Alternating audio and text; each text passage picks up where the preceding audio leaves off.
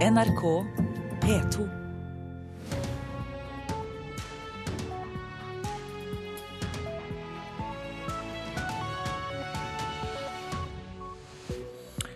Øystein Heggen tar deg gjennom nyhetsbildet i dag, tirsdag 20. januar. Nå klokka 6.30 er dette overskrifter i Nyhetsmorgen. Solgte kjemikalier til Anders Behring Breivik. Nå satser polsk nettselskap på det norske markedet. Med bakgrunn til dette firmaet her, så burde jo de være veldig obs på det som har skjedd. Professor kjemi Einar Uggerud. Britisk etterretningsorganisasjon har overvåket e-postene til journalister i flere av verdens mest kjente aviser. 2014 ble et rekordår for fiskerinæringen i Norge. Og ungdom deler ut pris for å bekjempe reklamepress og skjønnhetsidealer. Hør mer om prisen ingen vil ha. Den polske nettforhandleren Keten, som solgte kjemikalier til Anders Behring Breivik, retter seg nå direkte mot norske kunder på sine nye nettsider. Fram til en ny lov gjør at eh, stoffene blir ulovlige, kan de selge varer som i verste fall kan brukes til å lage bomber. Her har vi den nettsiden. Det er de nye nettsidene til den polske kjemikaliebutikken Keten Einar Uggerud ser på. 50 kilo. Hvorfor? Mm. NRK har bedt professoren i kjemi ved Universitetet i Oslo om å vurdere utvalget i nettbutikken, som for over tre år siden ble verdenskjent fordi selskapet hadde solgt 150 kilo aluminiumspulver og 300 gram natriumnitrat til Anders Behring Breivik, som ble brukt i bomben i regjeringskvartalet. Med bakgrunn til dette firmaet her, så burde jo de være veldig obs på det som har skjedd. Siden den gang har Keten ligget lavt i Norge. Men nå har nettbutikken relansert nettsidene sine, og der henvender de seg bl.a. på norsk til kundene sine. Det er jo Man kunne stille et spørsmål om hvilke etiske standarder som gjelder i det firmaet. Det, det syns jeg er helt rimelig når du ser de selger aluminiumpulver og kaliumnitrat. og perklorater. Før 22.07 hadde Keten i årevis solgt kjemikalier til pyromiljøer i Norge som liker å lage ulovlig fyrverkeri og bomber, men som ikke har som formål å skade mennesker. På ulike nettforum diskuterer privatpersoner at de den siste tiden har fått tilsendt pakker fra Keten til Norge. Nettbutikken gjør ikke noe ulovlig ved å selge disse kjemikaliene til norske kunder. Et nytt regelverk der flere kjemikalier forbys trådte i kraft i EU i september i fjor, men siden Norge er et EØS-land vil det trolig ikke gjelde her før til sommeren. For det første så tenker jeg at det er absolutt en av de største utfordringene man har, nettopp dette med internetthandel av disse kjemikaliene. Det sier Siri Hagehaugen, som er avdelingsleder i Direktoratet for samfunnssikkerhet og beredskap. Hun kan ikke si noe om de opplever at flere hamstrer disse kjemikaliene, mens det fremdeles er lovlig i Norge. Så er det også lov å si at selv om ikke det forbudet for privatpersoner har trådt i kraft i Norge ennå, så er det fortsatt slik at det er kontrollmekanismer og man følger med. Og vi oppfordrer til årvåkenhet, det å melde inn mistenkelige transaksjoner til Kripos. Kripos sier at de har fått inn svært få rapporter om mistenkelige kjøp av bombekjemikalier, og at de fleste kommer fra tollvesenet som oppdager slikt via posten. Og eieren av nettbutikken Keten har ikke svart på NRKs henvendelse i denne saken. Han skriver på norsk på nettsiden at han benytter et transportfirma fordi han ikke får sendt pakker til Norge via posten. Han skriver også at han syns det er synd at enkelte bruker kjemi på en ulovlig måte. Reporter her var Hanna Seferovic. Den britiske etterretningsorganisasjonen GCHQ har overvåket e-postene til journalister i noen av verdens mest kjente aviser, ifølge dokumenter lekket av varsleren Edward Snowden. Både New York Times, Washington Post, The Guardian, Le Monde og The Sun er blitt overvåket av Government Communications Headquarters, ifølge dokumentene som The Guardian har fått tilgang til. I tillegg skal GCHQ, som altså er Storbritannias etat for signaletterretning, ha sikret seg e-poster fra kringkasterne BBC og NBC og fra nyhetsbyrået Reuters. Regjeringen har satt en ny grense for havisen. Nå går iskanten nord for alle områder som er åpnet for olje- og gassvirksomhet, melder NTB.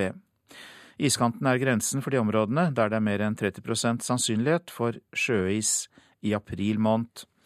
Hvor iskanten går er politisk omstridt. Ifølge samarbeidsavtalen mellom regjeringen og støttepartiene skal områder nær iskanten skånes for oljevirksomhet.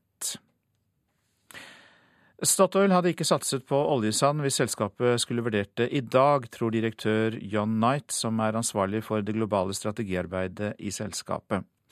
Til Dagens Næringsliv sier Knight at den mulige klimaeffekten av oljesandprosjektet er klarere nå enn den var i 2007, da Statoil gikk inn i det omstridte prosjektet i Canada. I september i fjor vedtok Statoil å utsette prosjektet i minst tre år. Business as usual, å drive forretning som før, er ikke bærekraftig, sier direktør John Knight i Statoil. Han leier selskapets strategiegning, men er også ansvarlig for selskapets klimastrategi. Til Dagens Næringsliv vedgår han nå at satsinga på den omstridte oljesandprosjektet i Canada ikke var riktig, og at de neppe hadde gjort det samme i dag. Den potensielle klimaeffekten av oljesandprosjektet er mye tydeligere i dag enn da vi gikk inn i 2007, sier han til avisa. Nå er det nye tider, også for Statoil, sier han og vil legge fram klare tilrådinger til Statoil-styret om en ny retning, annet sterkere satsing på fornybare energikjelder. Vi må gjøre langt mer for å ta omsyn til klimautslipp og klimaeffekt av den virksomheten vi driver, sier han, og tror 2015 blir et veiskilje i klimadebatten med klimatoppmøtet i Paris. Reporter Bjørn Atle Gillestad. 2014 ble et rekordår for mange fiskere her i landet. Fiskemottakene i Hordaland f.eks. melder om tidenes fangst og omsetning. Når du fisker ikke opp, så bare henger du snør innpå her, så Harald Strønen fra Os gjør skøyta klar for sitt femte år på lofotfiske. Ja, nå går jeg når som helst. Jeg får se. Jeg eh, må se litt værmeldinger på staten og sånt. Det er ingenting å si på motivasjonen i år. I fjor fikk han nemlig mer torsk enn noen gang. Brutto så hadde vel en 25% økning. Det hadde jeg nok fra året før. Og Harald var ikke alene. Ferske tall fra Fiskeridirektoratet syner at verdien på all fangst fra norske fartøy økte med 1,5 milliarder kroner i fjor, sammenlignet med året før. Det merker òg fiskemottakene langs kysten. Ja, det, det var jo et eh, rekordår for Vest-Norges fiskesalgslag med økning i, eh, i omsetningen fra året før på 96 millioner. Magna Åsebø er direktør i Vest-Norges fiskesalgslag, som styrer alle mottakene i Hordaland og i Sogn og Fjordane. Mottakene i Nord-Norge, der lofottorsken stort sett blir levert, opplyser om det beste året noensinne også der. Over 400 000 tonn torsk ble tatt imot ifra norske skøyter i Nord-Norge. Det er 15 000 tonn mer enn året før, som da òg var historisk høyt. Nei, som regel når det går, eh, går bra for salgslaget, så går det også bra for fiskerne. Altså, før da lå de og kleppa ned med SIO og sånn? Nei, det var torskemengden. Det gjorde at det ble, ble bra. Hva tror du om uh, dette året her? Jeg ser ikke for meg et sånt år som i fjor. Det gjør jeg ikke. Reporter Anders Ekanger. Svenske ICA har gitt opp Norge og vil trekke seg ut uansett om Konkurransetilsynet godkjenner oppkjøpet av ICA-butikkene eller ikke. Det fastslår ICAs svenske konsernsjef Per Strømberg overfor Dagens Næringsliv. Å selge til Coop er det beste alternativet for de norske kundene og de ansatte i Norge, for ICA Norge er ikke levedyktig på egen hånd, sier Strømberg. Han avviser at det er noe alternativ å redusere virksomheten og satse kun på Rimi-kjeden hvis Coops oppkjøp ikke blir godkjent. Stadig flere utenlandske investorer jakter på norsk vannkraft. Rundt halvparten av de som ønsker å kjøpe småkraftverk, er fra utlandet. De siste årene har mellom 15 og 20 norske grunneiere solgt unna konkurstruede småkraftverk. Flere av dem har havnet på utenlandske hender, skriver Nasjonen. Kronekursen er svak og eurokursen høy. Det gjør at utenlandske budgivere ganske lett kan betale mer enn norske, sier daglig leder Knut Olav Tveit i Småkraftforeningen. Så til eh, mer av det avisene er opptatt av i dag. De styrer verdens verste terrorgrupper. Aftenposten omtaler verdens mest ettersøkte terrorledere. Droner, etterretning og spesialsoldater brukes i kampen mot dem, men dersom én dør, står som regel en ny og mer radikal leder klar til å overta. Trine Skei Grande og Marit Nybakk nekter å bli med Stortingets utenrikskomité til Iran. Venstrelederen og Arbeiderpartiets visepresident i Stortinget sier til Dagsavisen at de nekter å dekke seg til. Fjernt for meg å iføre meg hijab, sier Skei Grande. Isfront mellom regjeringen og støttepartiene om olje i nord er oppslaget i Klassekampen. Regjeringen åpner for prøveboring i Barentshavet, men er på kollisjonskurs med oss, sier Rigmor Andersen Eide, miljøpolitisk talsperson i KrF. Stadig færre menn ønsker å bli lærere i grunnskolen, kan vi lese i Vårt Land. Nå er bare hver fjerde lærer mann, og laveste andel er i Akershus og Buskerud. Lokalpoliti tror ny reform gjør avstanden til folket for stor, kan vi lese i Bergens Tidende. Jeg klarer ikke å ha like god oversikt over 60 000 innbyggere som 30 000, sier en av de avisa har snakket med, nemlig politibetjent Lasse Kålås på Sotra. Q-meieriene vil utvide stort og ta en tredel av markedet for melk, yoghurt og rømme, skriver Nasjonen. Q-meieriene skal investere 150 millioner kroner, og anlegget på Jæren skal bli dobbelt så stort. Leverer prima ballett, skriver Adresseavisen om sjefen for Den norske opera og ballett, trønderen Ingrid Lorentzen. Etter at hun overtok, er besøkstallene gått til himmels, og Nasjonalballetten får flere og mer prestisjepregede oppgaver internasjonalt. Vinterparadis, nå er skiføren nær deg. Ja, det er budskapet til leserne av Bergensavisen i dag. Løypene rundt Bergen er preparert, og det er meldt knallvær.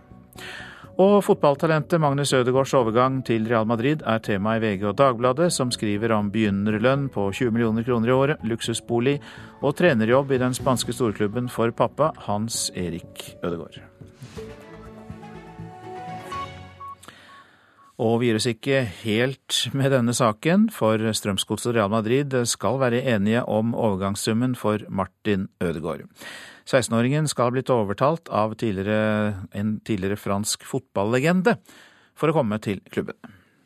Ifølge VG ble Strømsgodset og Real Madrid sent i går kveld enige om overgangssummen. Godset skal ifølge avisen få rundt 30 millioner kroner utbetalt nå, men summen kan stige til over 60 millioner kroner, basert på prestasjoner. Ifølge spanske kilder vil unggutten få en startlønn på rundt 20 millioner kroner. Ødegaard skal spille for Real Madrids andrelag ut sesongen. VG skriver i dag at det var Zinedine Zidane som trener Real Madrids andrelag Castilla, som overtalte Ødegaard etter at far og sønn først mente det ikke var aktuelt å spille for reservelaget. Etter at den franske fotballegenden forklarte hva det vil bety å spille for reservelaget, og hvilke planer han har videre for nordmann, ombestemte de seg. Den spanske storklubben vil ha 16-åringen til klubben så raskt som mulig. Når det måtte bli, er foreløpig ikke kjent. Det er fremdeles ingen rundt Martin Ødegaard som vil bekrefte overgangen. Og reporter Hilde Liengen. Hans eh, Erik Ødegaard begynner å bli mektig lei av mediestyret rundt eh, sønnen Martins eh, framtid. Litt vel mye oppmerksomhet, mener pappaen.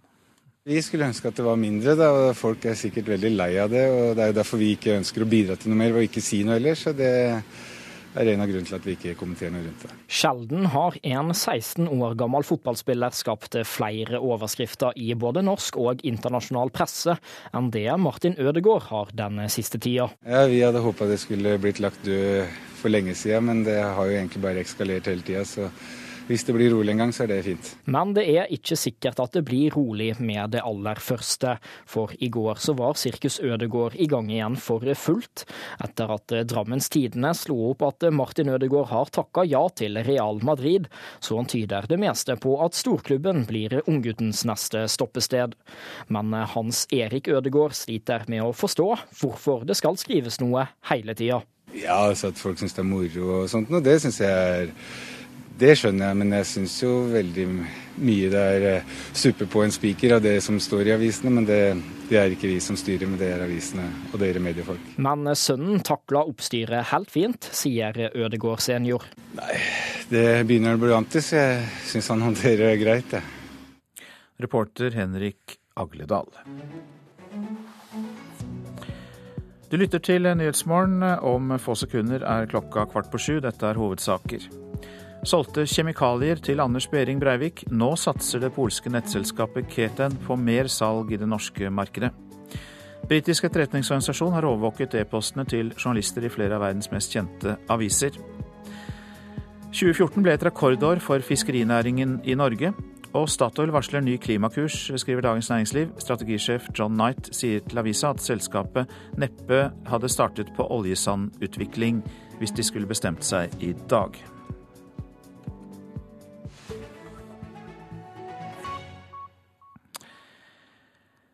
Nå konkurrerer en rekke aktører i eh, reklamebransjen om en gullakkert barbiedukke. Barbie-dukke. Og de får eh, gjennom det klar beskjed om å skjerpe seg. For Press, Redd Barnas ungdomsorganisasjon, ber ungdom stemme på reklame som spiller på uoppnåelige kroppsidealer og sex. Og eh, vår reporter ble med jentene i styret i Press Tromsø til et kjøpesenter i byen for å se på utstillingsdukker og reklame. Hun var jo veldig slank, hun der. da. Du kan jo tydelig se det på armene hennes at det kan være retusjert der. Ja, det er veldig sånn markert sånn, eh, i, eh, der ved halsen og sånn. Julie Aasland og Sunniva Skoglund titter inn utstillingsvinduet. Du ser virkelig hvor perfekt huden hennes er. Det er liksom ikke snakk om eh, noen føflekker eller noe sånt. Det er helt glatt og fint. Hi, Bobby. Hi, Ken. You wanna go for a ride? Sure, Ken. Jump in. I'm a girl. Gullbarbien går til den reklameaktøren som er best til å få ungdom til å føle seg verst. Thea Jensen Wang på 16 er leder for Tromsø Press, og nå vil de ha ungdom til å stemme på reklamer som spiller på gamle kjønnsroller og uoppnåelige kroppsideal. Det er, det er dumt fordi at eh, det er så mye press. Det er mange som føler seg at de ikke er gode nok. De må liksom være perfekte. De må ha den kroppen, og de må være så tynne, og de må se sånn ut.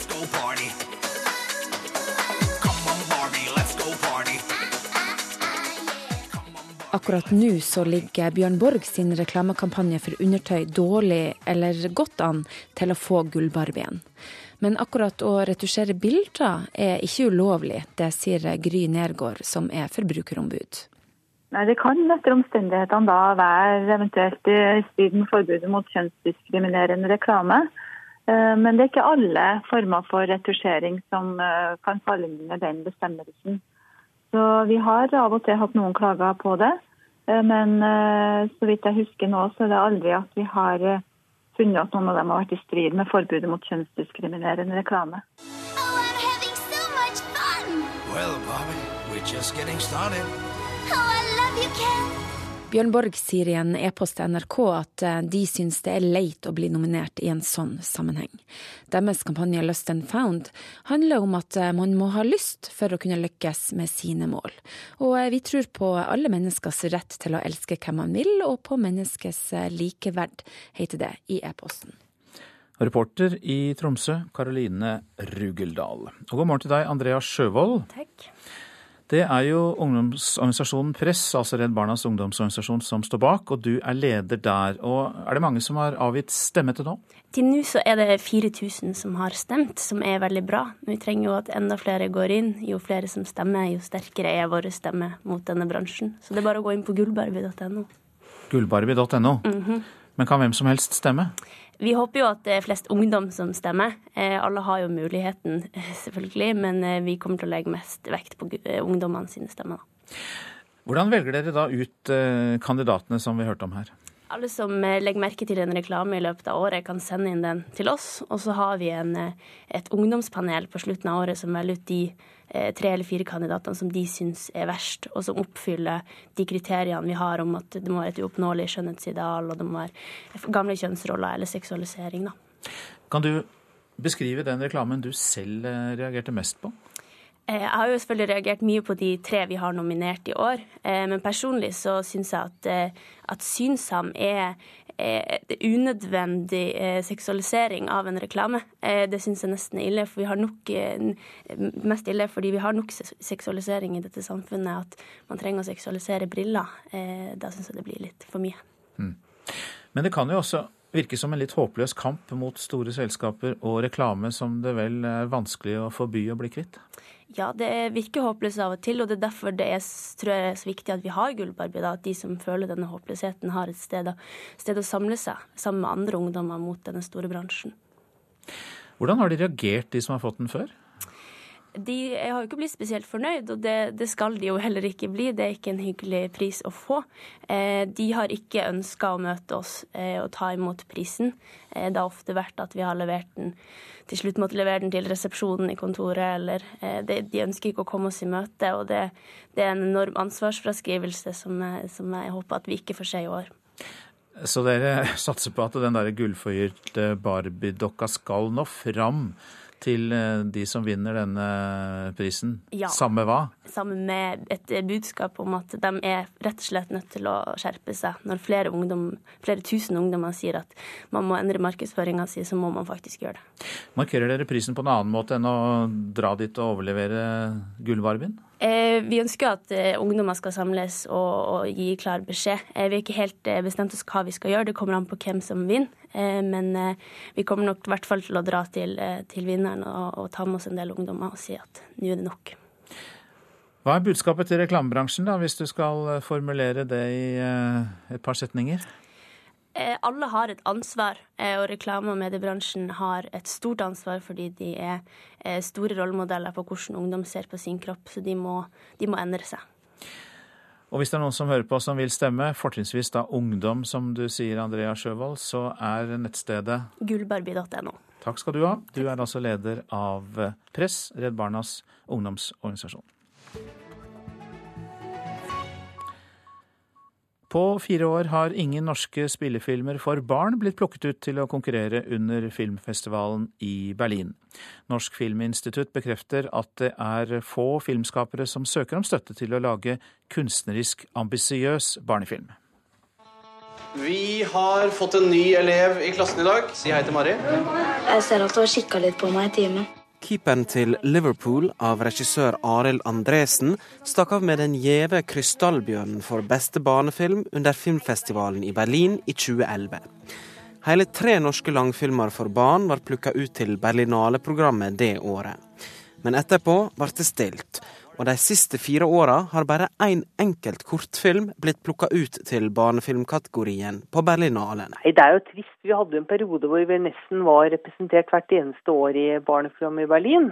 Så det er jo et eh, tegn på at uh, vi ikke lager uh, den type spennende kunstneriske filmer for barn som vi gjorde for noen år siden. Det sier Tonje Hardersen, filmrådgiver med ansvar for barn og unge i bransjeorganisasjonen Film og Kino. Men sjøl om filmfestivalen i Berlin ikke vil ha dem, kan norske barnefilmer vise til eventyrlige publikumstall. Fire av ti filmer på Kinotoppen i fjor var norske barnefilmer. En av dem, Karsten og Petras vidunderlige jul. Tror du at det kan bli ordentlig julestemning uten snø? Uten snø, frøken Kanin! Da kan jo det hele gå galt! Vi må gjøre noe! I år kommer vi til å se nummer fire av Karsten og Petra-filmene. Og det er jo veldig flott. Men det er klart at en, en, en film som kommer som nummer tre i rekken eh, av en serie, er, er ikke så spennende for en filmfestival. Det blir det ikke. Men tradisjonelt har norsk barnefilm gjort det godt under Berlinalen. Med ett unntak ble slike filmer plukka ut til tevlinga hvert år mellom 1994 og 2011. Ingvild Bjerkeland, stipendiat ved Høgskolen i Lillehammer, har forska på sjangeren, og hun mener han er mindre nyskapende enn tidligere. Ja, det vil jeg si. Altså Det profesjonelle nivået har på noen områder blitt mye bedre. Sånn at det lages også et spennende norsk barnefilm. Men Original er han ikke. Det er veldig sjelden det kommer ting vi ikke har forventa eller ikke har sett før. I dag er de fleste norske barnefilmmanus basert på eksisterende bøker og konsept, med få nyskrevne manus. Stine Helgeland, lanseringsdirektør i Norsk Filminstitutt, sier det er lite pågang fra filmskaperne. Vi mottar få søknader om tilskudd til de mer kunstnerisk ambisiøse og originalskrevne barnefilmene. Så vi opplever rett og slett at vi får lite søknader til originalskrevet barnefilm. Reporter her Lars Ivar Nordahl. Historiske bilder, film og lydopptak finnes det enorme mengder av, for det er nemlig samlet inn gjennom prosjektet Kultur og naturreise. Det er en gullgruve, mener Kulturrådet, og de oppfordrer private selskaper til å utvikle mobilapper og nettjenester som kan gjøre alt dette materialet mer tilgjengelig. Her kommer elven. Da trykker vi på eh, spill tur, Og så er det bare å sette seg ned og slappe av på trikken, og så vil lydene begynne å spille når du kommer inn i det området eh, lyden hører til. Akkurat i dette området her eh, bodde det veldig mange jødiske familier oppover Mar Mari Paus i produksjonsselskapet Luther Øre og apputvikler Benedikte Råe i Lilly Labs har laga ei nettside som setter i gang små radioinnslag mens du kjører trikk, buss eller båt gjennom Oslo. Innslagene gir deg ny viten om området rundt, en bygning eller arkeologi. Du kan sette deg ned på trikken og slappe av og bare høre på, høre på hele produksjonen som en slags podkast, men med steds eh, knyttet til sted. Vi på en måte håper at det gir en, eh, en annen dimensjon da, til eh, historiefortellingen. Se et område man kanskje pendler eller kjører gjennom med trikken hver dag på en litt annen måte. Dette er et område hvor, eh, hvor Akerselva historisk sett har vært en barriere. Det Lutherøret gjør er veldig spennende. Marit Kjeksrud Amundsen er en av tre ansatte i det statlige prosjektet Kultur- og naturreise. Et samarbeid mellom bl.a. Kulturrådet, Kartverket og Riksarkivet, som jobber for å gjøre statlige data tilgjengelig. Med et budsjett på nesten 13 millioner kroner har de i tre år bidratt til å legge millioner av dokumenter, bilder, lyd og video ut på tjenesten Norvegiana og digitaltfortalt.no. Nå drar vi til Telemark, og så er det en liten videosnutt. Visste du at i kjørkja her så fins det djeveler og demoner? Over 2800 har noen telt. Alt ligger tilgjengelig, men det er svært få som finner fram til å bruke all denne informasjonen. Foreløpig så tror jeg det er kanskje en godt skjult hemmelighet, men jeg tror at eh, når man får litt tid til hjelp, så blir det mye mer kjent. Amundsen oppfordrer nå private aktører til å gå inn og utforske denne ukjente gullgruva, og gratis benytte datamengden til å lage mobilapper og andre tjenester som formidler norsk kultur og natur. Privatpersoner, historielag, turgrupper, absolutt alle til å finne ut av hva slags data finnes, så er da den offentlige infrastrukturen der til stede at du kan bruke det helt gratis. Prosjektet er nok et sånn startskudd for hva som kan eh, skje i åra framover. Hva er egentlig på en måte poenget for brukeren? Apputvikler Benedikte Råe synes mobilappene som staten lager sjøl ofte blir kjedelige, for omfattende og lite brukervennlige. Hun tror det er en god idé å la andre gjøre den jobben. Det vi har muligheten til å gjøre, er å si at nå lager vi kollektivradio som er for trikketurer, bussturer, båtturer. Og det er på en måte brukerscenario, som gjør det enklere for brukeren å forstå hva er det vi skal bruke den til. I Paul kirke så var den eh, leid ut etter sigende til Bertil Osten, som eh, lagra Mercedes bildeler. Og det var nok ikke alle i menigheten som vi visste om. Reporter Torkil Thorsvik. Så til eh, værvarselet fram til midnatt. Jotunheimen og Langfjella. Kuling utsatte steder sør for Finse. Litt snø i øst. Oppholdsvær i vest. Rondane, fjellstrøkene Dovrefjell, svenskegrensen. Fjellstrøkene Trollheimen, Strynefjellet. Kuling utsatte steder i nord. Litt snø i sør og eh, oppholdsvær i nord. Østlandet på kysten av og til liten kuling. Snø av og til. Vesentlig sør og vest for Oslo. Telemark på kysten av og til liten kuling. Snø, kan hende sludd på kysten, mest nedbør nær kysten. Agder på kysten av og til liten kuling. Snø, til dels sludd på kysten. Lite nedbør vest i Agder. Til dels mye nedbør i kystnære områder i øst. Rogaland liten kuling utsatte steder, utrygt for enkelte snøbyger. Vesentlig indre og sørlige deler av Rogaland, men ellers oppholdsvær. Hordaland liten kuling utsatte steder, enkelte snøbyger i indre strøk, ellers stort sett pent vær. Sogn og Fjordane og Møre og Romsdal liten kuling utsatte steder, stort sett pent vær. Trøndelag sterk kuling utsatte steder og stort sett pent vær også i Trøndelag. Nordland stiv kuling utsatte steder på Helgeland, stort sett pent. Troms får pent vær. Finnmark, I Finnmark blir det nordvestlig periodevis stiv kuling på kysten, men i kveld minkende.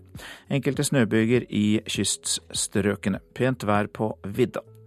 Nordensjøland på Spitsbergen delvis skyet opphold. Temperaturer klokka fire. Svalbard lufthavn minus to, Kirkenes minus elleve, Varde minus to, Alta minus 19, Tromsø minus ti, Bodø minus to, Brønnøysund minus tre, Trondheim minus 1, Molde minus tre, Bergen minus 1, Stavanger pluss 1, Kristiansand minus 1, Gardermoen minus fire, Lillehammer minus seks, Røros minus sju og Oslo minus tre. NRK P2. 50 000 studenter må bevise at de ikke bor hjemme, Lånekassen med stor kontroll. Og Statoil hadde ikke satsa på oljesand om de skulle bestemt seg i dag, sier Statoil-topp. Her er NRK Dagsnytt klokka sju. Lånekassen krever at 50 000 studenter skal dokumentere at de bodde borte i fjor. Dette er studenter som alt har fått utdanningsstøtte fordi de har sagt at de ikke lenger bor hjemme. Ifølge administrerende direktør i Lånekassen, Marianne Andreassen, blir det juksa for store summer hvert år. Men vi gjennomfører nå en totalkontroll av alle som har oppgitt at de bor borte, men som studerer så nær eh, foreldrene at de kunne ha bodd hjemme. Og Det er fordi vi, basert på stikkprøvekontroller tidligere, har sett at her eh, foregår det juks. Hvor mye jukses det for? Eh, stikkprøvekontrollene har avdekka at det kan være snakk om at det jukses for eh, et beløp på eh, hele 70 millioner kroner. Reporter Fredrik Lauritzen. Statoil hadde ikke satsa på oljesand dersom selskapet skulle vurdert det i dag. Det tror direktør John Knight, som er ansvarlig for det globale strategiarbeidet til selskapet. Til Dagens Næringsliv sier Knight at den mulige klimaeffekten av oljesandprosjektet er klarere nå enn i 2007, da Statoil gikk inn i det omstridte prosjektet i Canada. I september i fjor vedtok Statoil å utsette prosjektet i minst tre år. Business as usual, å drive forretning som før er ikke bærekraftig, sier direktør John Knight i Statoil. Han eier selskapets strategieining, men er også ansvarlig for selskapets klimastrategi. Til Dagens Næringsliv vedgår han nå at satsinga på den omstridte oljesandprosjektet i Canada ikke var riktig, og at de neppe hadde gjort det samme i dag. Den potensielle klimaeffekten av oljesandprosjektet er mye tydeligere i dag enn da vi gikk inn i 2007, sier han til avisa. Nå er det nye tider, også for Statoil, sier han og vi legger fram klare tilrådinger til Statoil-styret om en ny retning, annet sterkere satsing på fornybare energikjelder. Reporter Bjørn Atle Gildestad. Regjeringa har fastsatt en ny grense for havisen. Nå går iskanten nord for alle områder som er åpna for olje- og gassvirksomhet. Klima- og miljøminister Tine Sundtoft sier grensa er fastsatt på grunnlag av nye satellittobservasjoner. Spørsmålet om hvor iskanten skal gå, er politisk omstridt. Oddny Miljeteig blir ifølge Dagsavisen ny nestleder i SV, og dermed får Audun Lysbakken en av sine sterkeste støttespillere inn i toppledelsen i partiet. Miljeteig er i dag gruppeleder for SVs bystyregruppe i Bergen, og har lang erfaring fra lokalpolitikken. NRK Dagsnytt var ved Vidar Eidhammer. Og Nyhetsmorgen fortsetter med disse sakene. Det er gratis å låne penger. Det kan holde boligprisen oppe. Hvordan reagerer studentenes representant på Lånekassens storkontroll? Det får du vite i Nyhetsmorgen. Obama holder talen om rikets tilstand i Kongressen i dag. Og vi skal også høre at brytere i Finnmark ikke merker at forholdet mellom Vesten og Russland er på frysepunktet. Det er bra kontakt i Barentsregionen. Fin kontakt. Ja, det er Sergej Korsjokov vi hører her, russer og trener i Kirkenes atletklubb. De beste lånerentene er så lave nå at det i praksis er gratis å låne. For etter rentefradrag og prisstigning er lånerenta omtrent null. Og det kan gi fortsatt hett boligmarked. Bilene passerer tett i seterkrysset på Nordstrand i Oslo. Men i dette krysset selges likevel leiligheter for langt over 10 millioner kroner stykket. Og på toppen av butikken, da, som er første leilighetsetasje, så er det laget en fantastisk park på, på to mål. Finn Bragnes i Privatmegleren opplever at mange vil bo på den gamle tomta til Gressvik-butikken. Så jeg har solgt 35 av 54 leiligheter nå i desember og begynnelsen av januar. Totalt, hva er salgsverdien på hele prosjektet? Ca. 440 millioner. Og tomtestørrelsen? Ca. syv mål. Syv mål, en halv milliard? Noe sånt. Og kjøpelysten og evnen kan fortsette. For nå regner flere økonomer med at realrenta blir null i flere år. Det vil si lånerenta minus skattefradraget og prisstigningen, forklarer sjeføkonom i DNB Øystein Dørum. Lånerentene etter skatt og prisstigning er null og kommer til å være null de neste fem årene, skal vi bedømt ut fra anslagene. Er man usikker, så kan man ta et fastrentelån på fem år til null realrente etter skatt. Og det kan, i en situasjon hvor 96 av oss faktisk beholder jobben når året er omme, bidra til å fyre opp det boligmarkedet. Nordeas sjeføkonom Steinar Juel spår at realrenta blir negativ. Nei, jeg tror det er eh, riktig at eh, realrenten er i ferd med, det er blitt negativ. Da blir det altså gratis å låne penger i praksis? Ja, når man ser, ser det sånn, så blir det gratis uh, å låne penger. Og Eika-gruppens Jan Ludvig Andreassen advarer. Det er kanskje ikke skadelig for et enkeltår, men det at vi i mange år fremover skal ha renter som er unormalt lave i forhold til nordmenns erfaringer, kan jo lede noen til å ta vel godt i da, når de tar boliglån. Så lett å se at dette blir eh, pryd ennå. Nei, og det man kan si er jo at dette er jo en del av utviklingen hvor du faktisk river relativt sett nye hus. Rett foran prosjektet Seter hage på Nordstrand bygges Seter terrasse. Den dyreste leiligheten der koster 25 millioner kroner. Mange av kjøperne er eldre med solid egenkapital. Men lave renter hjelper markedet, mener Bragnes i Privatmegleren. Det er jo alltid sånn at uh, lav rente betyr at folk føler at de har råd til å kanskje låne litt mer og i så måte også oppgradere litt mer på boligsida. Så renter og, og, de langsiktige rentene og utsiktene til forutsigbarhet der, klart det spiller inn. Får folk lett eh, lån nå? Sitter med inntrykk av det. Reportere her Trond Lydersen og Sindre Heierdal. Lånekassen setter nå i gang den største kontrollen noensinne. De ber 50 000 studenter dokumentere at de har bodd borte fra barndomshjemmet i fjor. Mange må nå finne fram eh, sine leiekontrakter. Har du spart på leiekontrakten din fra i fjor? jeg tror det, men det er nok bare flaks. Jo, jeg, jeg, tror jeg har tatt vare på den i en, eh, i en mappe, men eh, jeg er en sånn person uansett, så Studentene NRK møter på Blindern virker å ha papirene i orden.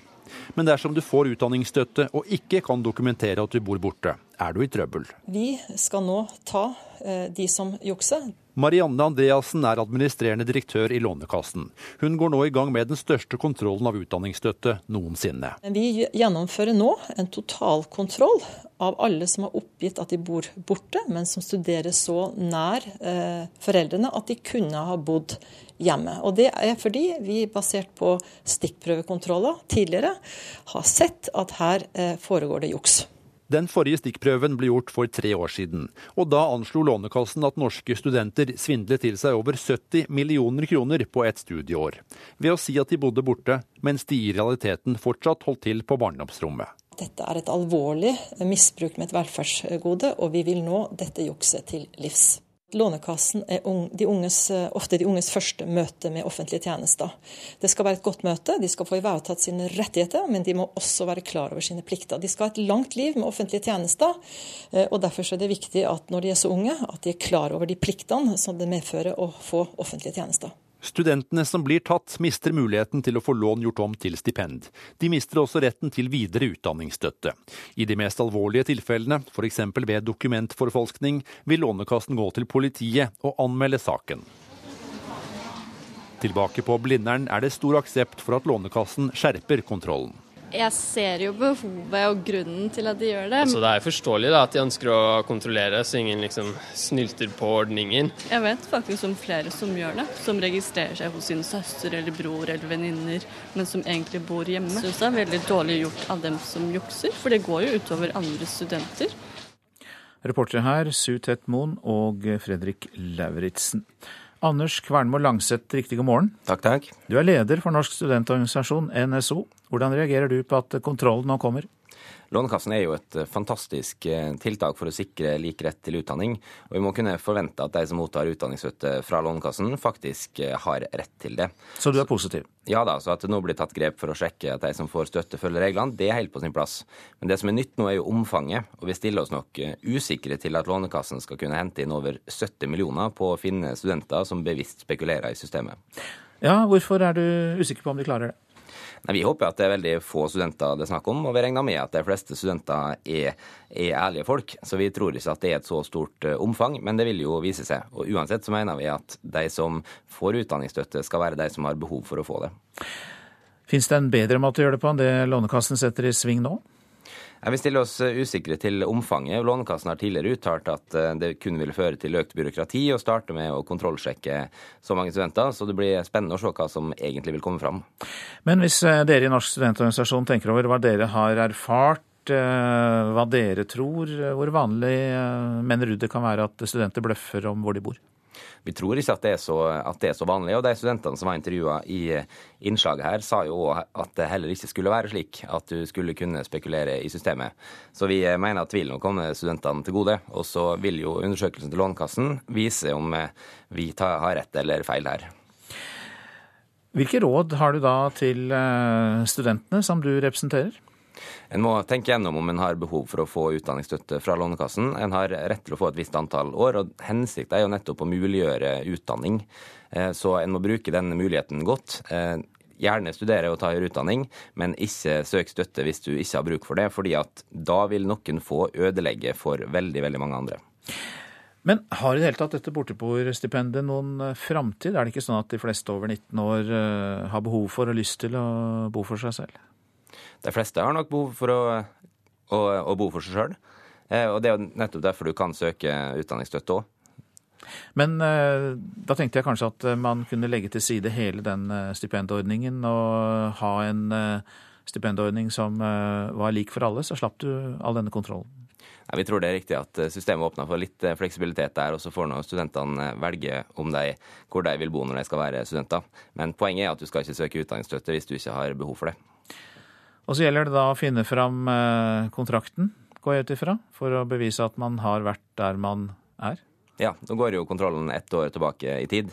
Eh, og vi tenker at studenter nok har kontroll på kontrakter fra fjoråret. Så det går nok, går nok veldig bra for de aller, aller fleste. Og her håper vi at Lånekassen nå vil, vil, være fleksible og heller kunne kontakte huseier, f.eks. hvis det skal være tvil om du har akkurat det riktige papiret.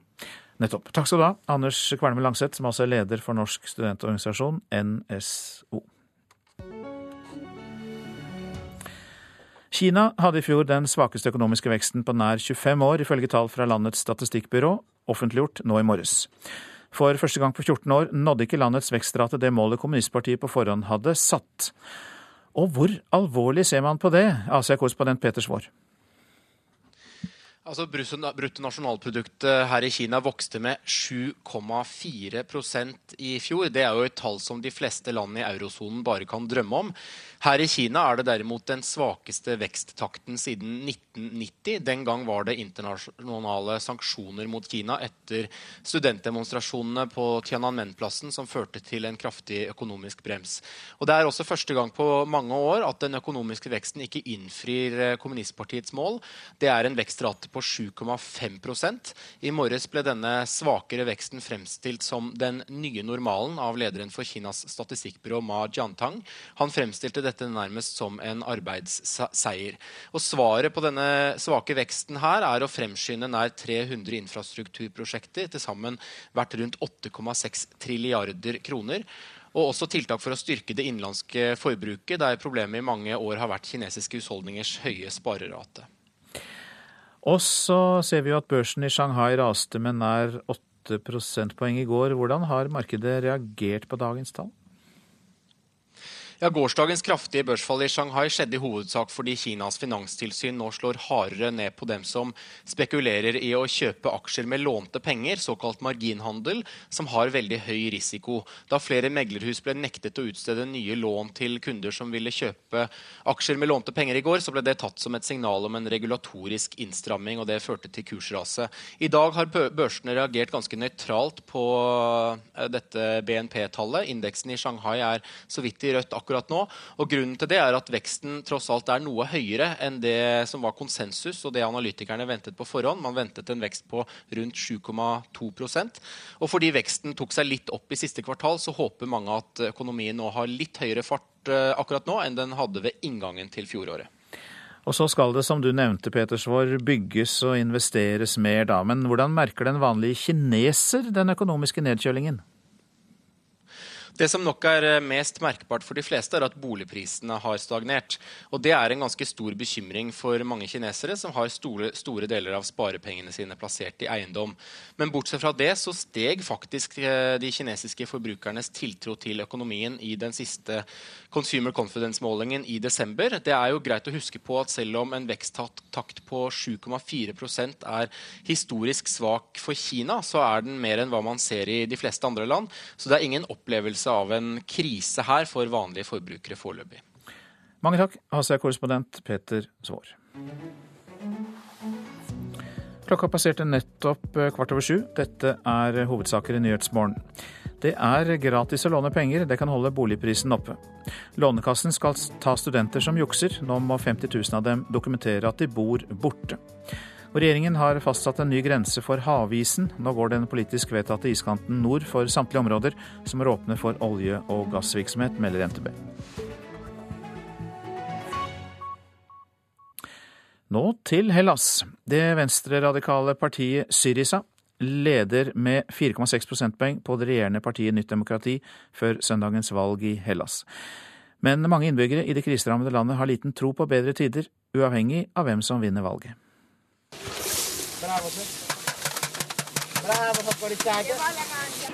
På et torg i sentrum av Aten gjør Konstantinos klar en diger kjele med suppe. Her har han jobbet frivillig siden 2011. Da serverte han gratis suppe til mellom 50 og 60 mennesker.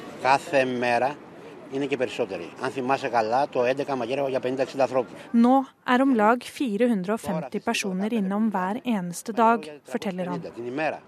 Slik blir det i et land med en arbeidsledighet på over 25 en skyhøy statsgjeld og et bruttonasjonalprodukt som blir stadig mindre. Dette er Hellas som søndag går til valg. Uansett hvem som blir valgt, vil jeg fremdeles være arbeidsledig. Jeg vil fortsatt ikke ha noen penger i lomma. Derfor spiller det ingen rolle om vi bruker euro eller drakmer, sier Konstantinos. Han har i likhet med mange andre grekere mistet fullstendig troen på politikerne. Da hjelper det lite at det venstreradikale og EU-kritiske partiet Syriza kommer med fagre løfter om å skape arbeidsplasser, fremfor å kutte i budsjettene, slik den nåværende regjeringen har vært nødt til å gjøre for å motta kriselån. Jeg kommer ikke engang til å stemme. Hvorfor skulle jeg? Jeg orker ikke å høre på dem, forteller Maria mens hun venter på dagens porsjon med suppe. En pensjonert kvinne som også har tatt turen til suppekjøkkenet, forteller at hun er lei av løfter som aldri blir satt ut i livet.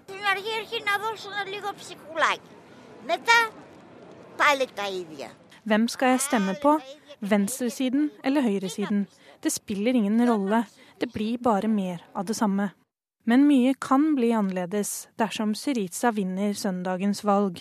De har nemlig varslet at de nekter å videreføre de harde økonomiske reformene som Hellas er pålagt fra sine kreditorer i EU. I så fall risikerer landet å bli kastet ut av eurosamarbeidet.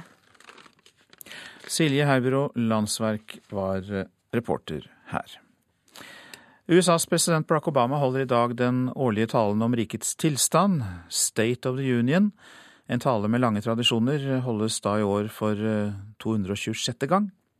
Noen ganger har talen en eh, formulering som festner seg, som da president George Bush i 2002, drøyt fire måneder etter terrorangrepene på New York og Washington, omtalte Nord-Korea, Irak og eh, Iran. States like these and their terrorist allies constitute an axis of evil, arming to threaten the peace of the world by seeking weapons of mass destruction. Ja, det var bursdag Bush det i 2002, og utenriksmedarbeider Joar Hoel Larsen, du er jo også tidligere USA-korrespondent, har eh, fulgt med på disse talene gjennom eh, tidligere år. Ondskapens akse hørte vi her. Kan man vente seg noe tilsvarende minneverdig formulering i dag? Altså, man kan jo alltids vente. Eh, de fleste presidenter ønsker jo å komme med en uttalelse som blir enten stående eller sittende, alt ettersom.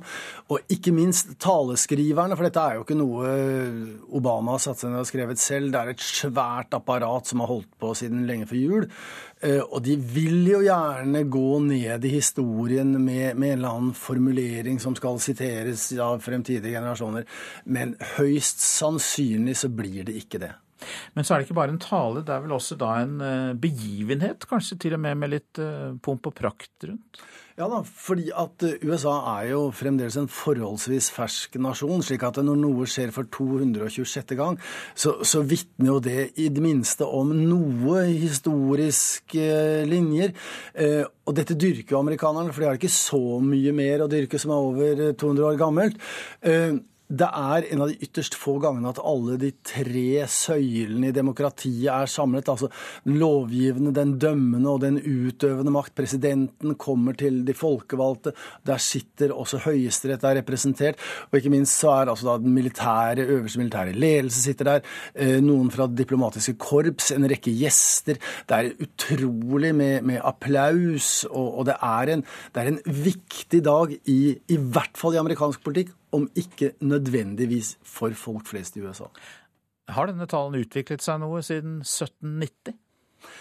Ja, det er klart. Altså, den, den, har bølget litt frem og tilbake, ikke minst med da radio og TV den gang det kom. Men det var også slik at det står ikke noe i Grunnloven om den talen. Der står det at presidenten skal fra tid til annen avlegge rapport til Kongressen om hvordan det går.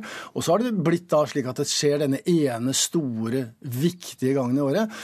Eh, men Først så var det jo en rapport. Eh, Thomas Jefferson han syntes at eh, dette ble litt for majestetisk.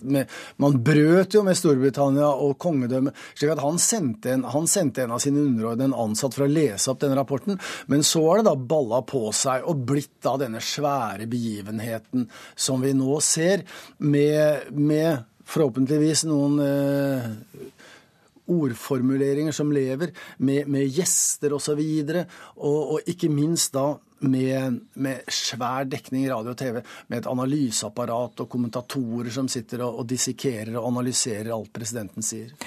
Men er det noen lekkasjer? Er det noe vi kan forvente oss blir sagt? Ja, dette er jo en peptalk, dette er jo en skrytetale for presidenten selv, som skal si Det er nesten som en visning, som en boligannonse. Man forteller hvor flott huset, i hvilken stand huset er. Trekker ikke nødvendigvis frem de, de tvilsomme sidene. Uh, og han applauderes jo da hens, altså voldsomt av, av, sine egne tilhengere, mens opposisjonen sitter der og klapper ikke i det hele tatt. Han kommer helt sikkert til å snakke om økonomien, for at den er bedre i USA nå enn hva den tidligere har vært. Uh, han kommer til å trekke frem noen av sine saker, altså helsereformen. Og så sitter det da en mann som heter Alan Gross eh, ved siden av Michelle oppe på, eh, på, balkongen der. Han ble løslatt for noen dager siden, var politisk fange på Cuba. Han kommer til å snakke om tilnærmingen til Cuba osv. Slik at dette er en tale hvor, hvor presidenten gir seg selv et vitnemål, og det er alltid bestått. Det får vi helt sikkert se og høre, og så, så er det da kanskje også noen overraskelser i tillegg. Hjertelig takk, Joar Hoel Larsen. Så til det avisene fokuserer på i dag. Varsler ny klimakurs for Statoil, skriver Dagens Næringsliv om strategisjef John Knight. Statoil ville neppe ha startet på oljesandutvikling i dag, sier Knight, som også åpner for å bli den eh, nye Statoil-sjefen dersom styret spør ham. De styrer verdens verste terrorgrupper. Aftenposten omtaler verdens mest ettersøkte terrorledere. Droner, etterretning og spesialsoldater brukes i kampen mot dem, men dersom én dør, står som regel en ny og mer radikal leder klar til å overta. Trine Skei Grande og Marit Nybakk nekter å bli med Stortingets utenrikskomité til Iran. Venstrelederen og Arbeiderpartiets visepresident i Stortinget sier til Dagsavisen at de nekter å dekke seg til. Fjernt for meg å iføre meg hijab, sier Skei Grande. Isfront mellom regjeringen og støttepartiene om olje i nord er oppslaget i Klassekampen.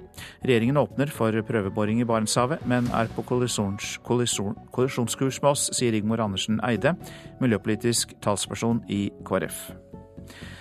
Fotballtalentet Magnus Ødegaards overgang til Real Madrid er tema i VG og Dagbladet, som skriver på førstesidene om begynnerlønn på 20 millioner kroner, luksusbolig og trenerjobb i den spanske storklubben for pappa Hans Erik Ødegaard. Stadig færre menn ønsker å bli lærere i grunnskolen, kan vi lese i Vårt Land. Nå er bare hver fjerde lærer mann. Og lavest er andelene i Akershus og Buskerud. Lokalpoliti tror ny reform gjør avstanden til folket for stor, kan vi lese i Bergens Tidende. Jeg klarer ikke å ha like god oversikt over 60 000 innbyggere som 30 000, sier en av politibetjentene de har snakket med, Lasse Kålås på Sotra. Kumeieriene vil utvide stort og ta en tredjedel av markedet for melk, yoghurt og rømme, skriver Nasjonen. Skal investere 150 millioner kroner, og anlegget på Jæren skal bli dobbelt så stort. Leverer prima ballett, skriver Adresseavisen om sjefen for Den norske opera og ballett, trønderen Ingrid Lorentzen. Etter at hun overtok, er besøkstallene gått til himmels, og Nasjonalballetten får flere og mer prestisjepregede oppgaver internasjonalt. Vinterparadis, nå er skiføret nær deg. Det er budskapet til leserne av Bergensavisen. Løypene rundt Bergen er preparert, og det er meldt knallvær. Selv om eh, forholdene mellom Vesten og Russland er på frysepunktet, så fortsetter befolkningen i Barentsregionen å leve som tidligere. I helgen ble Norges nest største brytestevne arrangert i Tana i Finnmark, med både norske og russiske deltakere. Nå skal jeg snart ut om, om to, så det først skal jeg inn og føle liksom om hun er sterk eller ikke. Og så tar man det ut derifra og ser hva hun er flink på, og hva du kan gjøre for å liksom slå henne med det sier 14 år gamle Kaja Bergersen i Kirkenes atletklubb. Om få sekunder skal hun ut på brytematta. Og på motsatt side venter en russisk motstander. Det er historiske røtter som gjør at det i Tana blir et nabooppgjør på brytematta denne lørdagen i januar. For selv i iskalde politiske tider har det nesten alltid eksistert et folk-til-folk-samarbeid i Barentsregionen. Det er bra kontakt i Barentsregionen. Fin kontakt. Sier russiske Sergej Korsjikov, nå trener i Kirkenes atletklubb, men med lang fartstid fra russisk bryting og samarbeid med Norge. Etter frigjøringen av Finnmark i 1944 gjorde jernteppet at det ble stille mellom nabofolket før musikere fra Verde bymusikk i 1959 krysset den iskalde sovjetiske grensen og igjen gjenopptok kommunikasjonen mellom folkene i nord. Bra, jobbe, jobbe, jobbe. Belgien på matte to. Har iallfall et godt grep nå. Klarer å få med seg opp på noen ruller. 56 år senere er det igjen en kald politisk tone mellom vest og øst etter Russlands invasjon av Ukraina. Men dette har ikke påvirket brytesamarbeidet i nord, sier stevneleder for Tana Cup, Frode Gundersen. Nei, eh, her oppe i nord eh, har vi ingen eh, problemer med det. Det er jo like mye russere som vi alltid har hatt her fra nordregionen. For å styrke samarbeidet i regionen ble Barentssekretariatet opprettet i Kirkenes i 1993. Som en pådriver for å gi støtte til norsk-russiske prosjekter. Tana Cup er et slikt samarbeid som har fått økonomisk støtte, for at russiske brytere skal ha mulighet til å møte norske brytere på motsatt side av grensen. Det er veldig viktig, fordi det er i møte mellom mennesker vi skaper gode kontakter. Og idretten har vel vært en, foregangs, eh, en foregangsarena for det som har hatt med mellommenneskelig kontakt i, i alle tider. Og vi ser jo at når det er politisk vanskelige tider, så er det ikke minst viktig at folk-til-folk-samarbeidet fortsetter. Sier Kim Stenersen i Barentssekretariatet. Selv om det er innført sanksjoner mot Russland fra Vestens side, og da inkludert Norge, påvirker ikke dette tildelingen av midler til norsk-russisk samarbeid i Barentsregionen. På matte to så har Kaja Bergersen stått imot lenge. Jevn kamp på matte nummer to, men det ble altså seier til Jekaterina Nesjeva. For det er år med samarbeid som gjorde det mulig med et norsk-russisk oppgjør på brytematta i Tana også denne gangen. Den russiske bryteren ble derimot for sterk for Kaja Bergersen. Men oppgjøret har kanskje bygd nye broer for at det unike samarbeidet i nord fortsetter med flere dueller på brytematta også i fremtiden. Reporter Stian Strøm. Prosent for Nyhetsmorgen, Marit Selmer Nederlid. Her i studio, Øystein Heggen. Meksikanerne oppretter borgervern. Innbyggerne har ikke lenger tillit til politiet og myndighetene. Hør mer i reportasjen etter Dagsnytt.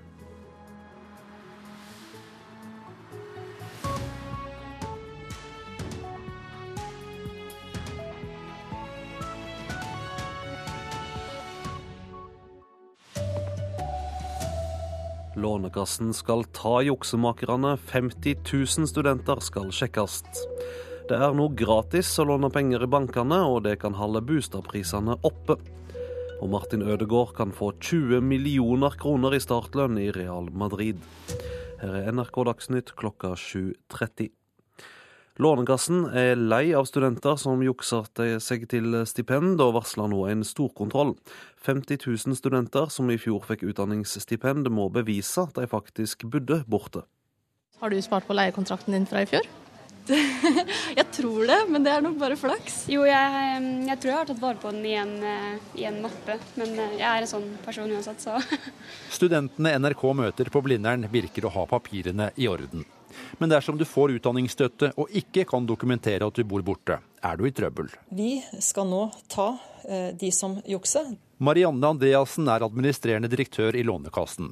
Hun går nå i gang med den største kontrollen av utdanningsstøtte noensinne. Vi gjennomfører nå en totalkontroll av alle som har oppgitt at de bor borte, men som studerer så nær eh, foreldrene at de kunne ha bodd hjemme. Og Det er fordi vi, basert på stikkprøvekontroller tidligere, har sett at her eh, foregår det juks.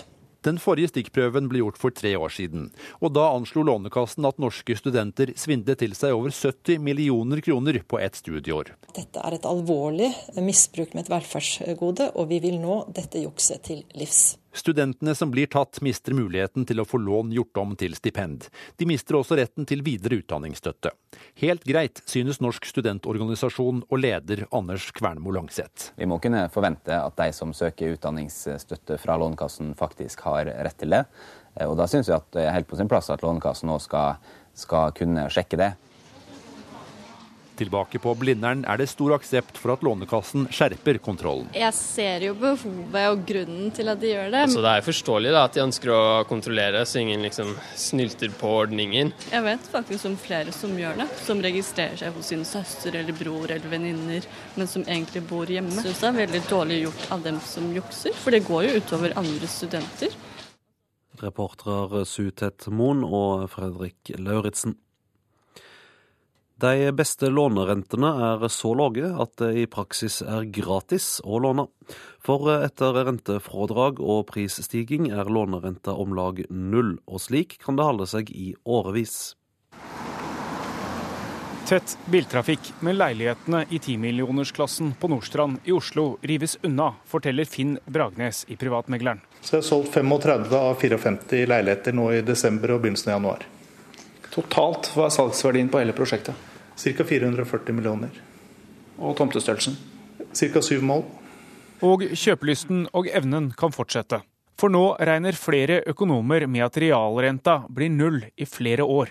Det vil si lånerenta minus skattefradraget og prisstigningen, forklarer sjeføkonom i DNB Øystein Dørum. Lånerentene etter skatt og prisstigning er null og kommer til å være null de neste fem årene, skal være bedømt ut fra anslagene. Er man usikker, så kan man ta et fastrentelån på fem år til null realrente etter skatt. Og det kan, i en situasjon hvor 96% av oss faktisk beholder jobben når året er omme, bidra til å fyre opp det boligmarkedet. Nordeas sjeføkonom Steinar Juel spår at realrenta blir negativ. Nei, jeg tror det er eh, riktig at eh, realrenten er i ferd med, det er blitt negativ. Da blir det altså gratis å låne penger i praksis? Ja, når man ser, ser det sånn, så blir det gratis uh, å låne penger. Så lett å se at dette blir eh, pryd ennå? Nei, og det Mange av kjøperne er eldre med solid egenkapital. Men lave renter hjelper markedet, mener Bragnes i Privatmegleren. Det er jo alltid sånn at uh, lav rente betyr at folk føler at de har råd til å kanskje låne litt mer. Får folk lett uh, lån nå? Sitter med inntrykk av det. Reportere Trond Lydersen og Sindre Heierdal. Regjeringa har fastsatt en ny grense for havisen. Nå går iskanten nord for områder som er venta å bli åpna for olje- og gassvirksomhet. Det er nye data som gjør at regjeringa flytter grensene nordover, sier klima- og miljøminister Tine Sundtoft.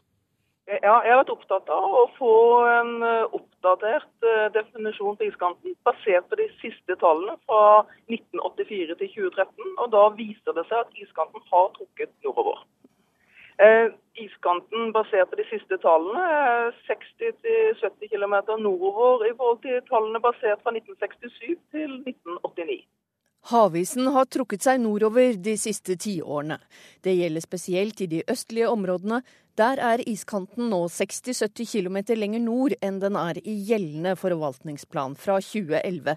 Det sier klima- og miljøminister Tine Sundtoft. Vi, vi vet jo at eh, klimaendringene har ført til at eh, isen også smelter i Arktis. og det viser også de siste Eh, oppdaterte tallene på iskanten med nye data, og at iskanten har trukket nordover. Men politisk er iskanten en ømtålig sak. I samarbeidsavtalen mellom regjeringen og støttepartiene KrF og Venstre slås det fast at områder nær iskanten skal skånes fra oljevirksomhet. Likevel venter vi at olje- og energiministeren straks kunngjør hvilke felt som kan åpnes nær iskanten i den 23. konsesjonsrunden for olje- og gasselskapene. Det er nord for Finnmark, øst for Bjørnøya og inn mot russisk sektor. Reporter Hedvig Bjørgum. Den polske nettforhandleren Keten, som solgte kjemikalier til terroristen Anders Behring Breivik, retter seg nå direkte mot norske kunder på den nye nettstaden sin. Fram til en ny lov gjør at stoffer blir ulovlige, kan de selge varer som i verste fall kan nyttes til å lage bomber. Her har vi den nettsiden. Det er de nye nettsidene til den polske kjemikaliebutikken Keten Einar Uggerud ser på. 50 kilo. NRK har bedt professoren i kjemi ved Universitetet i Oslo om å vurdere utvalget i nettbutikken, som for over tre år siden ble verdenskjent fordi selskapet hadde solgt 150 kilo aluminiumspulver og 300 gram natriumnitrat til Anders Behring Breivik, som ble brukt i bomben i regjeringskvartalet. Nå har nettbutikken relansert nettsidene sine, og der henvender de seg bl.a. på norsk til kundene sine. Det er jo å kunne stille et spørsmål om hvilke etiske standarder som gjelder i det firmaet. Før 22.07 hadde Keten i årevis solgt kjemikalier til pyromiljøer i Norge som liker å lage ulovlig fyrverkeri. Nettbutikken gjør ikke noe ulovlig ved å selge disse kjemikaliene til norske kunder. Et nytt regelverk der flere kjemikalier forbys trådte i kraft i EU i september i fjor, men siden Norge er et EØS-land vil det trolig ikke gjelde her før til sommeren. For det første så tenker jeg at det er absolutt en av de største utfordringene man har, nettopp dette med internetthandel av disse kjemikaliene. Det sa Siri Hagehaugen, som er avdelingsleder i Direktoratet for samfunnstryggleik og beredskap. Og eieren av nettbutikken har ikke svart NRK i denne saka. Reporter Hanna Seferovic. Spesialeininga for politisaker er kopla inn etter ei biljakt i Sogndalen i Vest-Agder i går kveld. En bilfører ville ikke stoppe for politiet og kjøre av veien etter at politiet kjørte etter. Etter utforkjøringa klarte ikke politibilen å stoppe, og kjørte inn i bilen den fulgte etter. To personer er skadde etter denne ulykka. Martin Ødegaard kan få 20 millioner kroner i startlønn i Real Madrid. Strømsgodset og Real Madrid skal være samlet om en pris på 16-åringen. Ødegaard skal ha blitt overtalt av en fransk fotballegende til å komme til den spanske hovedstaden. Ifølge VG ble Strømsgodset og Real Madrid sent i går kveld enige om overgangssummen. Godset skal ifølge avisen få rundt 30 millioner kroner utbetalt nå, men summen kan stige til over 60 millioner kroner, basert på prestasjoner. Ifølge spanske kilder vil unggutten få en startlønn på rundt 20 millioner kroner. Ødegaard skal spille for Real Madrids andrelag ut sesongen. VG skriver i dag at det var Zinedine Zidane som trener Real Madrids andrelag Castilla, som overtalte Ødegaard etter at far og sønn først mente det ikke var aktuelt å spille for reservelaget. etter at den franske fotballegenden forklarte hva det vil bety å spille for reservelaget, og hvilke planer han har videre for nordmann, ombestemte de seg. Den spanske storklubben vil ha 16-åringen til klubben så raskt som mulig. Når det måtte bli, er foreløpig ikke kjent. Det er fremdeles ingen rundt Martin Ødegaard som vil bekrefte overgangen. Reporter Hilde Liengen. Ansvarlig for eh, denne dagsnyttsendinga var Gro Arneberg. Teknisk ansvarlig Hanne Lunås, og her i studio Vidar Eidhammer.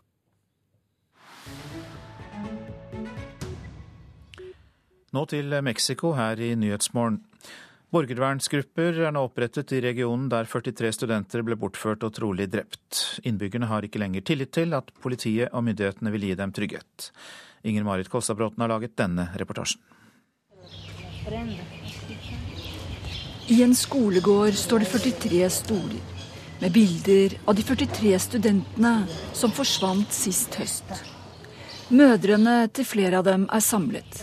De tenner lys og håper fortsatt at barna skal komme tilbake i live. De bortførte dem, sier moren til Jonas fortvilet. En kvinne med blomstrete bluse og langt gråsvart hår. Hun stoler ikke lenger på myndighetene, som mange andre i dette voldsutsatte området. Folk har nå opprettet egne borgervernsgrupper for å beskytte befolkningen. Myndighetene og politiet gjør ingenting, sier en ung mann med svart ansiktsmaske, svart caps og svarte solbriller som dekker øynene. Han er en av flere som nå patruljerer gatene med maskingevær og andre tunge våpen. Studentene har vært savnet siden de i slutten av september kom til byen Iguala for å demonstrere for å bedre lærernes kår. Politiet skjøt mot bussene de satt i. Seks ble drept 43 ble arrestert av politiet. Riksadvokaten i Mexico mener at politiet overleverte studentene til en lokal kriminell bande, med bånd til de mektige narkokartellene i landet. Arresterte gjengmedlemmer har fortalt at studentene ble drept og så brent. Hittil er levningene av bare én av dem funnet. Saken har rystet Mexico og avdekket tette bånd mellom myndighetene, politiet og de kriminelle gjengene. Mange politifolk er arrestert, hele den lokale politistyrken er avsatt, og Riksadvokaten mener borgermesteren og hans kone er hjernen bak bortføringene. Fordi borgermesteren var redd for at studentene skulle forstyrre et lokalt arrangement der hans kone skulle holde en tale. Folk er lei, sier en ung kvinne med svart maske i borgervernsgruppa. Hun sier at folk ikke bare er lei pga. de forsvunne studentene, men pga. hele situasjonen i Mexico. De organiserte kriminelle organisasjonene og narkobandene har kjøpt seg til makt og innflytelse i store deler av det meksikanske samfunnet. Rundt 100 000 mennesker er drept som følge av volden, og rundt 20 000 har forsvunnet. Nesten ingen blir tiltalt eller dømt for sine ugjerninger. Vi passer på skolebarna, forteller en mann i borgervernsgruppa i Ayotzinapa, der studentene forsvant. Han sier at de har hørt at barna har blitt truet og blitt offer for både utpressing og ran. Det er nå opprettet mange borgervernsgrupper i Mexico. Flere steder har de overtatt kontrollen over sikkerheten. Kritikere sier at disse gruppene også er voldelige, at de bryter menneskerettighetene og har forbindelser til narkokartellene. Likevel kan det virke som om flere stoler mer på dem enn på myndighetene.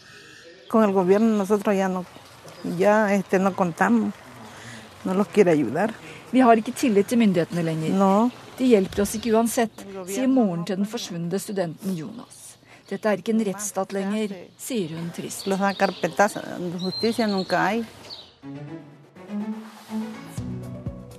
Dette er eh, hovedsaker i Nyhetsmorgen. Det er gratis å låne penger, det kan holde boligprisene oppe. Lånekassen skal ta studenter som jukser. Nå må 50 000 av dem dokumentere at de bor borte. Regjeringen har eh, fastsatt en ny grense for havisen nord for alle områder som er åpnet for olje- og gassvirksomhet. Spørsmålet om hvor iskanten skal gå, er politisk omstridt. Solgte kjemikalier til Anders Behring Breivik. Nå satser det polske nettselskapet Keten på mer salg i det norske markedet. Og har du tips eller kommentarer, kan du sende en e-post til adressen 03030 krøllalfa nrk.no, altså 03030 krøllalfa nrk.no. Og vi legger til at du kan høre Nyhetsmorgen og andre programmer når du vil på nettstedet radio.nrk.no, altså radio.nrk.no. Nå Politisk kvarter, programleder Astrid Randen.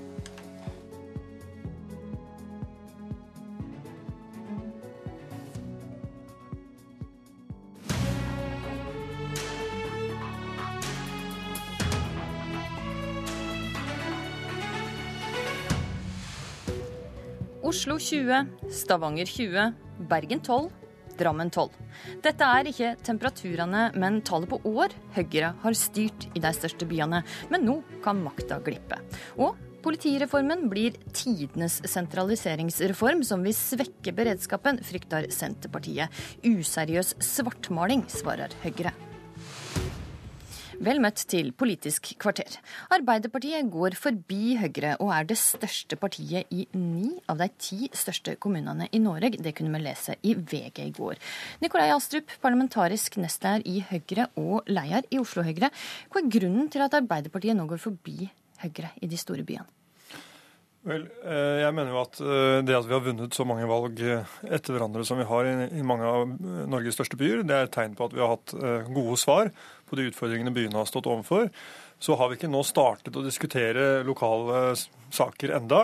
Det er ennå lenge til valget, og jeg føler meg trygg på at vi skal klare å snu den, de, de, siste meningsmålingene som vi nå har sett, når vi får de lokale sakene på dagsorden. Men nå svarer du ikke helt på det, jeg spør om, for jeg spør. Hva er grunnen til at Arbeiderpartiet går forbi Høyre i de store byene?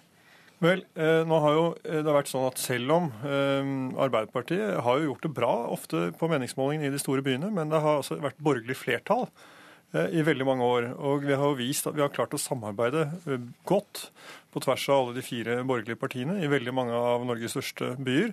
Og det har gjort at vi har fått en styringsdyktighet og gjennomslagskraft i politikken som velgerne åpenbart har satt pris på. Men det er altså sånn at Høyre går tilbake f.eks. i din heimby Oslo, fra der en hadde 35% i 2011, der en nå ligger på 25% på målinga. Noe ja. må ha skjedd? Ja, men når vi nå da, da, forhåpentligvis endelig begynner å diskutere lokalpolitikk, og vi begynner å diskutere de tingene vi faktisk har fått til og skal få til i byen, hvis man ser på f.eks. Oslo-skolen, eh, hvor langt fremme den ligger, hvis man ser på kollektivløft eh, i Oslo, hvis man ser på byutviklingen som vi har stått i spissen for i denne byen, den største siden Kristian Kvart anla Kvadraturen i 1664, 1624, eh, unnskyld, så, så, så, mener jeg at vi har veldig mye å fare med. Og det er klart, Arbeiderpartiet har fortsatt til gode å presentere sine løsninger på storbyenes utfordringer. Ok. Trond Giske, kanskje kommende nestleder i Arbeiderpartiet, men enn så lenge stortingsrepresentant og en viktig valgkampstrateg i Arbeiderpartiet. Hva tror du er grunnen til at Arbeiderpartiet gjør det bedre enn Høyre i de store byene? Jeg tror det er todelt. Jeg tror delvis det skyldes at eh, vi har lokale kandidater, og lokale parti som oppleves som nytenkende, som åpne og nysgjerrige, og som presenterer god politikk, eh, bl.a. i Oslo-regionen, på hvordan man skal løse eh, en situasjon hvor byen vokser med en middels norsk storby hvert eneste år. Det storbymanifestet som Arbeiderpartiet nettopp har lansert, hvor vi sier at vi skal øke statens bidrag til store kollektivløsninger i storbyene. Vår motstand mot å selge Flytoget midt i en situasjon hvor eh, Oslo trenger gode samferdselsløsninger. Vår motstand mot å privatisere velferdstjenester hvor vi trenger å bygge den ut til en voksende befolkning. Det er ting som folk setter pris på. Så du tror ikke dette handler om misnøye med den sittende regjeringa på noen måte? Jeg tror det delvis skyldes eh, at folk i Oslo Eh, Bergen, eh, andre storbyer syns det er på tide med et skifte. 20 eh, år er lang tid i Oslo, og at det er på tide å slippe nye krefter og nye løsninger til. Men vi skal vel være så ærlige også og si at lokalpartiene til Arbeiderpartiet nyter godt av den nasjonale trenden. Folk er nærmest litt sjokkert over hva høyrepolitikk egentlig er. En ting var at vi kanskje var forberedt på at de rike skulle få svære skattekutt, men at man skal ta de pengene fra uføre med barn, funksjonshemma som trenger bilstøtte, eldres eh, spaserstokk, altså den kulturelle spaserstokken, kutte fra de aller svakeste for å gi til de absolutt aller rikeste, det bryter så fundamentalt med den norske folkesjela og solidariteten i det norske folk at Høyre og Frp nå betaler en eh, stor pris for å være helt på kollisjonskurs med det. Men de sier jo at eh, valgresultatet ga dem et mandat til det.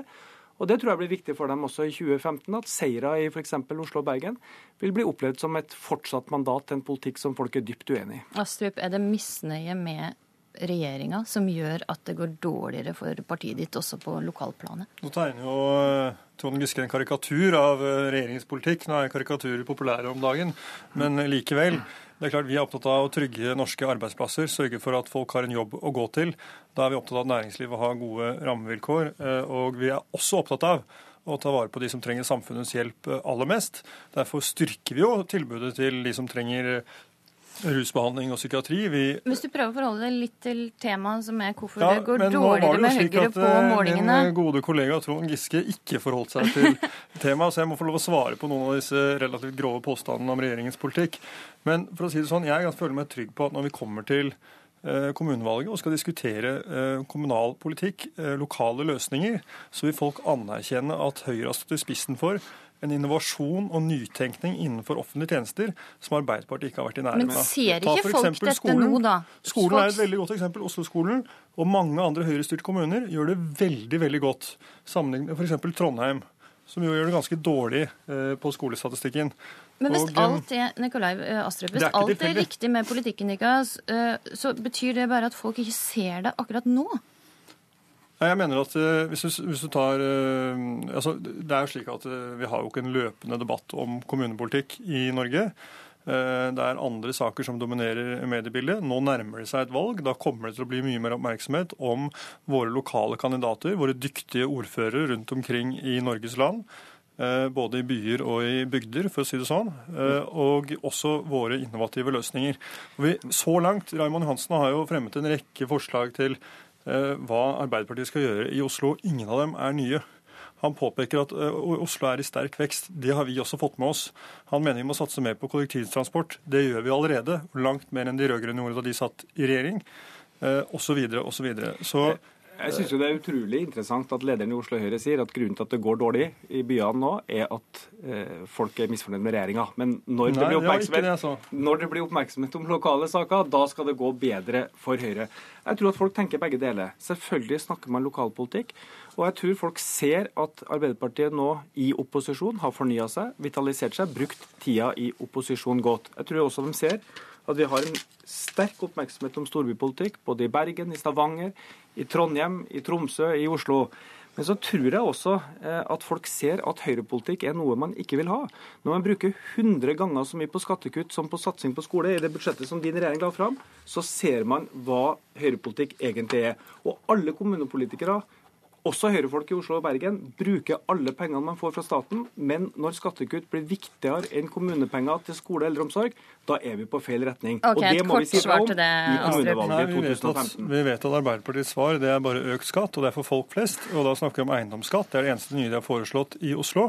Vi mener at vi må tenke nytt om hvordan vi driver offentlige tjenester, ikke bare skattlegge folk mer. Det er tross alt hjemmet deres vi snakker om. Og der fikk du siste ord i den debatten. Takk til det, Trond Giske, og takk til det, Nikolai Astrup.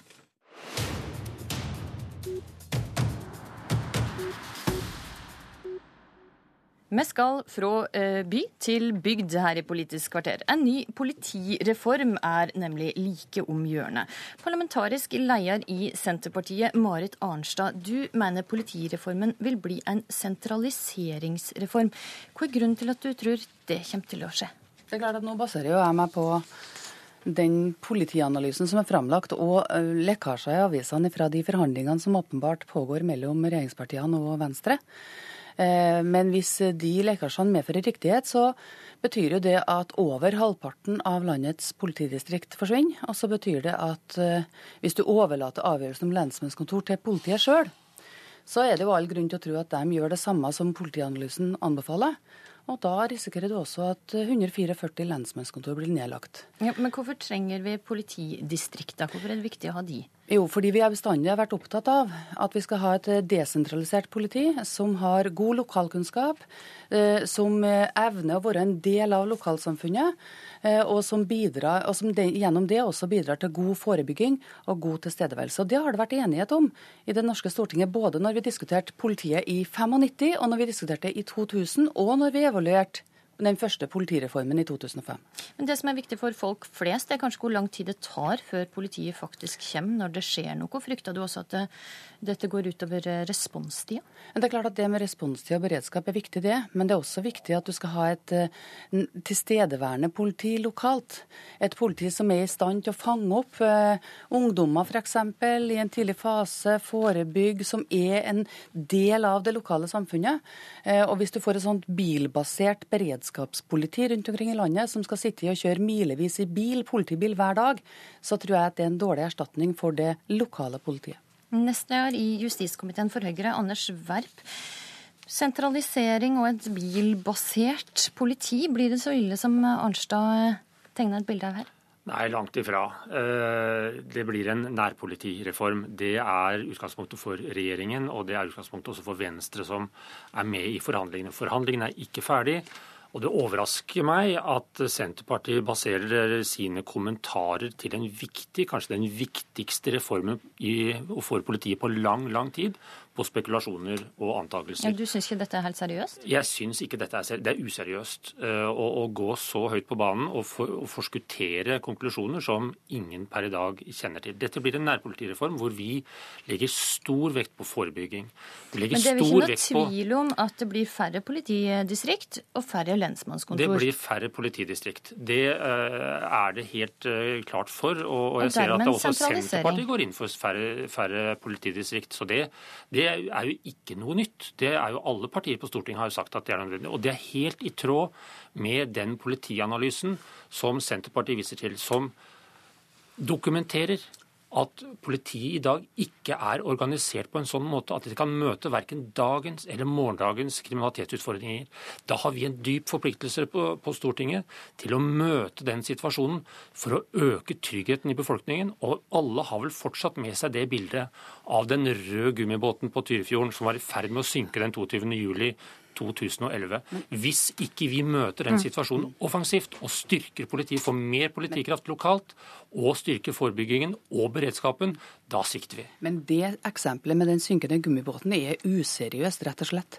Fordi at i den synkende gummibåten så var det verken noe lokalt lensmannsfolk eller noe lokalt politi. De sto på land og fikk ikke lov å agere.